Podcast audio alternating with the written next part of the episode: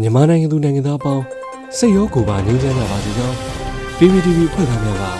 ဆုတောင်းမေတ္တာပို့သလိုက်ရပါတယ်။အခုချိန်ကစပြီးတိုင်းသားညီနောင်အင်အားစုတွေပြည်သူ့ကာကွယ်ရေးတပ်မတော် PDF တပ်သားတွေနဲ့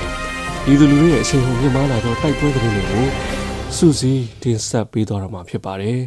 ။ကျွန်တော်ຫນွေဦးလင်းပါ။ဟောဥစွာ အရာတော်ခင်ဦးတို့တွင်တိုက်ပွဲများဖြစ်ပွားပြီးစစ်တပ်ဘက်မှ16ဦးသေဆုံးတဲ့တဲ့ရင်ကိုတင်ဆက်ပါမယ်။စက်တင်ဘာလ18ရက်နေ့နနက်10:00နာရီခန့်အချိန်အရာတော်မြို့နယ်ရဲချင်းချေးရွာနီးတွင်ခြေလျင်စစ်ကြောင်းကိုတော်လိုင်းတပ်ပေါင်းစုများကခြုံခိုတိုက်ခိုက်ခဲ့ရာစစ်ကောင်စီတပ်ဖွဲ့ဝင်9ဦးသေဆုံးပြီးဒဏ်ရာပြင်းထန်သူအများပြားကြောင်း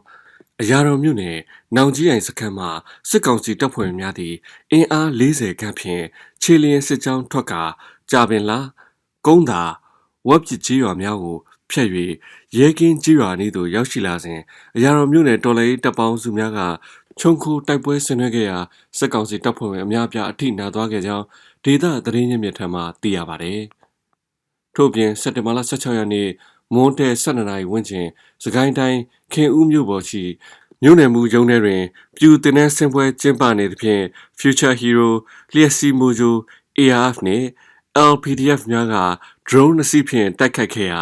စစ်ကောင်စီတပ်နှင့်ပြူစောထင်းများဘက်မှ3ဦးသေဆုံးပြီး9ဦးအပြင်းထန်ဒဏ်ရာရရှိကြောင်းခင်ဦးဒေသကာကွယ်တပ်များကထုတ်ပြန်ပါတယ်။ဆက်လက်ပြီးပလဲမျိုးပေါ်တိုက်ပွဲစစ်ကောင်စီတပ်ဖွဲ့ဝင်6ဦးသေဆုံးတဲ့တဲ့ရင်ကိုတင်ဆက်ပါမယ်။ပလဲမျိုးနယ်ရှိမြို့မရဲစခန်းနဲ့ထွေအုပ်ရုံးကို PDF တပ်ဖွဲ့16ဖွဲ့ကစက်တင်ဘာလ18ရက်နေ့ညနေတွင်ဝင်ရောက်တိုက်ခိုက်ခဲ့ပြီးစစ်ကောင်စီဘက်မှ6ဦးသေဆုံးကြောင်း PDF မဟာမိတ်များထံမှသိရပါဗျ။စက်တင်ဘာလ18ရက်နေ့ည9:48မိနစ်ချိန်ပလဲမြို့နယ်ရဲစခန်းကို PDF တပ်ပေါင်းစုများကဝင်ရောက်တိုက်ခိုက်ခဲ့ရာတိုက်ပွဲတနိုင်ခန့်ဖြစ်ပွားခဲ့ကြောင်းပလဲထွေရုံးထဲတွင်စစ်ကောင်စီဘက်မှ6ဦးသေဆုံးပြီးပလဲရဲစခန်းတွင်3ဦးဒဏ်ရာပြင်းထန်ရရှိခဲ့တာပါ။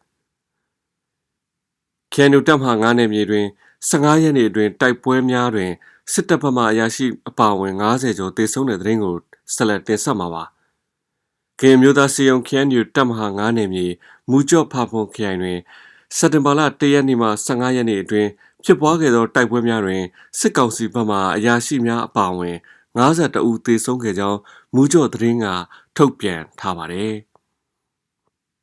15ရက်အတွင်းအကြမ်းဖက်စစ်တပ်လက်ပါစီ BGF များနဲ့ကရင်အမျိုးသားလွတ်မြောက်ရေးတပ်မတော် KNL ကြားတိုက်ပွဲပေါင်း68ကြိမ်ဖြစ်ပွားခဲ့ပြီးစစ်ကောင်စီဘက်မှတပ်ခွဲမှု2ဦးဗိုလ်အဆင့်ရှိသူ2ဦးပါဝင်52ဦးသေဆုံးသလိုတရင်မှု2ဦးဒုတရင်မှု2ဦးပါဝင်32ဦးထိခိုက်ဒဏ်ရာရရှိခဲ့ပြီး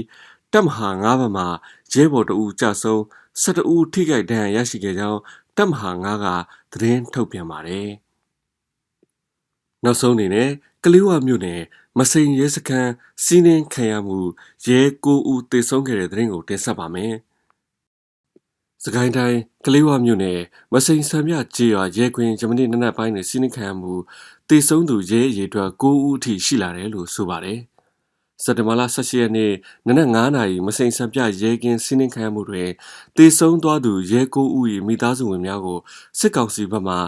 ကလေးခရိုင်ယာယီရဲမှုကြီးကြည်ဝင်းကလာရောက်အားပေးပြီးမိသားစုတစုလျက်အသက်ဆွန့်နစ်နာကြီးထောက်ပံ့ခြင်းဖြင့်ငွေကျပ်3000စီပေးအပ်ခဲ့ပါတယ်။စကိုင်းတိုင်းကလေးဝမြို့နယ်မစိန်စံပြကျေးရွာရှိရဲစခန်းကိုစက်တင်ဘာလ18ရက်နေ့နနက်9:00နာရီချိန်တွင်အမည်မသိလက်နက်ကိုင်အဖွဲ့တစ်ခုကဝင်ရောက်စီးနင်းခဲ့ကြောင်းစခန်းကိုပါမီးရှို့ဖျက်ဆီးသွားပြီးလက်နက်များယူဆောင်သွားကြောင်းသိရှိရပါတယ်။